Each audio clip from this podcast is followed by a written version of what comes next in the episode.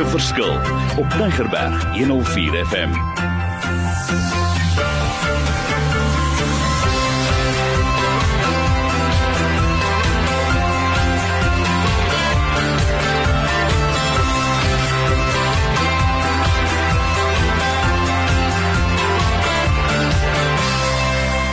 Wonderlik. My naam is Mario Denton en ek is so opgewonde want ons gaan voort met hierdie reeks wat gaan oor wat is daar in jou toolbox? En ek kan net aanhou en aanhou en aanhou skryf want dit lyk vir my dit gaan nog lank vat voor ons al hierdie tools gesels het. Maar weer eens baie dankie vir al ons luisteraars daar buite wat vir my gereeld inskryf en sê Mario deel dit met ons.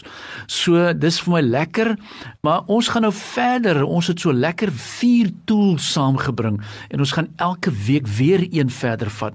But this week we're going to talk about the power and the influence of communication. Why is this so important so that you can make a difference?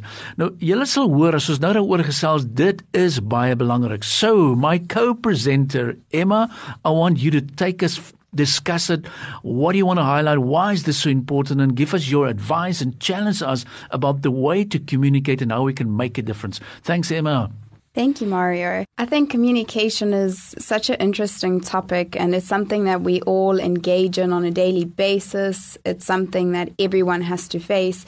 But I also think it's something that people don't give enough attention to on how are they communicating, what are they communicating, what are the people they're communicating to, receiving. So yeah, communication essentially you imparting or exchanging information, whether it be by speaking or writing or any other form of communication. You're conveying your ideas and your feelings and the person on the other end, they're going to interpret it in their way, but we can so often do little things that creates areas for ineffective communication. Do we understand the weight that communication carries or what we say carries? And I love the scripture Proverbs 18:21 says the tongue can bring death or life. Those who love to talk will reap the consequences. And so often we read it, and I know personally, I don't actually sit and think what that means. If you read that again, the tongue can bring death or life.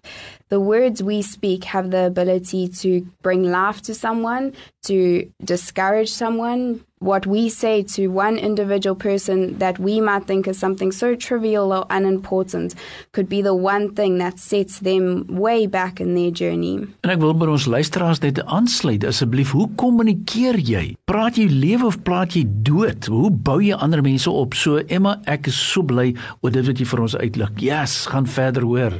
Growing up, my mom always used to say to us, before you speak, think. And it's that acronym of the T is, is it true? H, is it helpful?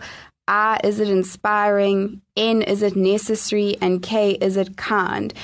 And I remember we always used to laugh and say, "Of course we think," and it's all it's always true, it's always helpful, it's always inspiring, necessary, and kind. Growing up and looking a little bit more into communication, it may be true, but it doesn't necessarily mean it's helpful or it's necessary for the other person. It might not be inspiring to them, and it definitely might not be kind. And I think if you take that acronym think and you can look a little bit further into it, you can come up with some very helpful practices on how to communicate effectively, how to make sure that when you're communicating with people, it is helpful to them, it is true, it's kind, that you're going to be leaving a positive impact with them. And maybe just to run through some of these practices for communication, starting with again, is it truthful? Are you 100% sure of what is coming out of your mouth? Is the correct facts?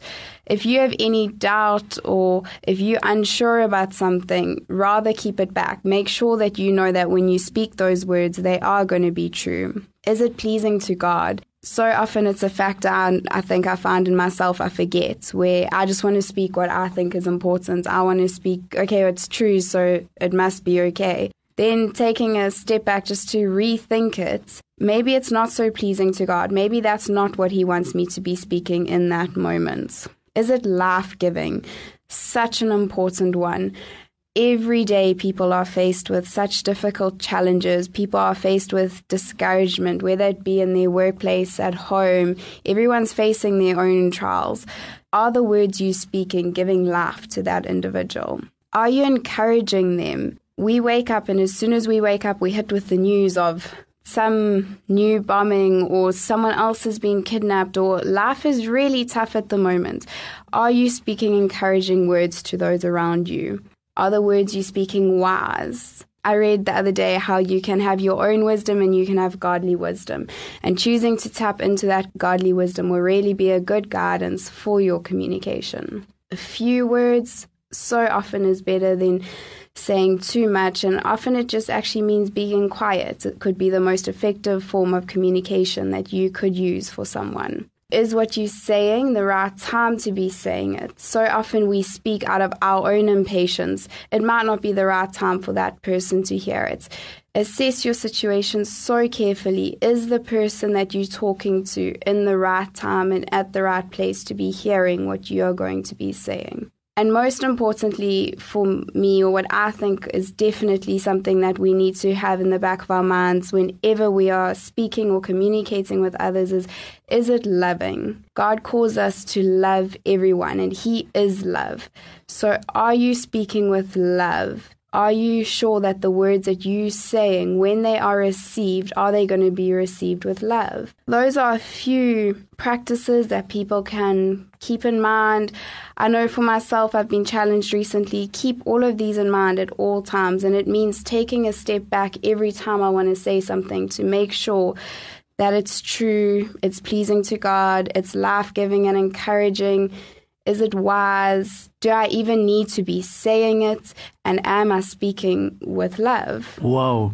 Emma, that's wonderful. En ek wil vir ons luisteraars sê, elke keer as ons praat oor hierdie onderwerp en hoe om 'n verskil te maak, dan berei ons onsself voor en daar is 'n pragtige uitdeelstuk. So moenie dink ons praat net nie. Ek sal dit graag met julle wil deel. Ek gaan my detail vir julle aan die einde van die van hierdie praatjie net met julle wil deurstuur. Maar Emma, a final thought or maybe a challenge that you want to leave behind about this important topic about communication. Ek het gedog ons doen dit reg, maar as ek so luister na jou dink ek, yes, ons het nou geklomp dinge aan te werk. Just a final thought or two? I think a final thought and a challenge to everyone is to just be aware of how you're communicating and what are you communicating. How are you putting your message across? And then the message that you are speaking, is it necessary for you to be speaking it? What is the person on the other end hearing when you speak? Wonderlik en ek wil vir ons luisteraars sê connect is 'n mooi woord. Kry die inligting. My selnommer my WhatsApp nommer 0828829903 ons het baie inligting oor die onderwerp. Ons het lekker saamgewerk ek en Emma. So as jy meer inligting soek oor die ander toolboxe asseblief dit is beskikbaar.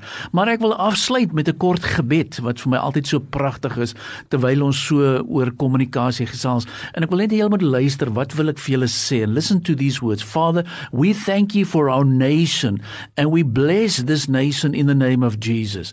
We declare that we are the light of the world through the revelation of Jesus Christ. We declare that no weapon formed against us and this nation shall prosper and we condemn to every tongue that rises up against us in judgment. Father, we thank you for our churches and our church leaders. We pray for our church leaders that they will be relentless in pursuing your purpose and living out an uncompromising lifestyle. Is dit nie lekker dat ons kan bid vir mekaar en kommunikeer soos Emma nou presies gesê het? Maar kom ek gee vir my jou details 08288 29903 stuur vir my 'n WhatsApp en stuur ons vir julle die inligting verder.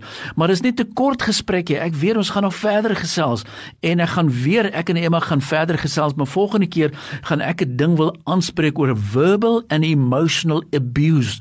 Hoekom gebeur dit? Waar gebeur dit? So asseblief, kry die reeks, kry die materiaal en ek weet ons is in die besigheid om 'n verskil te maak in die lewe daar buite. Emma, I'm saying thank you very much. Thankful be my co-presenter this wonderful program, this wonderful radio station en vir ons luisteraars gaan maak 'n verskil in die lewe daar buite. Die Here seën julle. Hou aan om luister. Hou met ons in kontak maak and be blessed.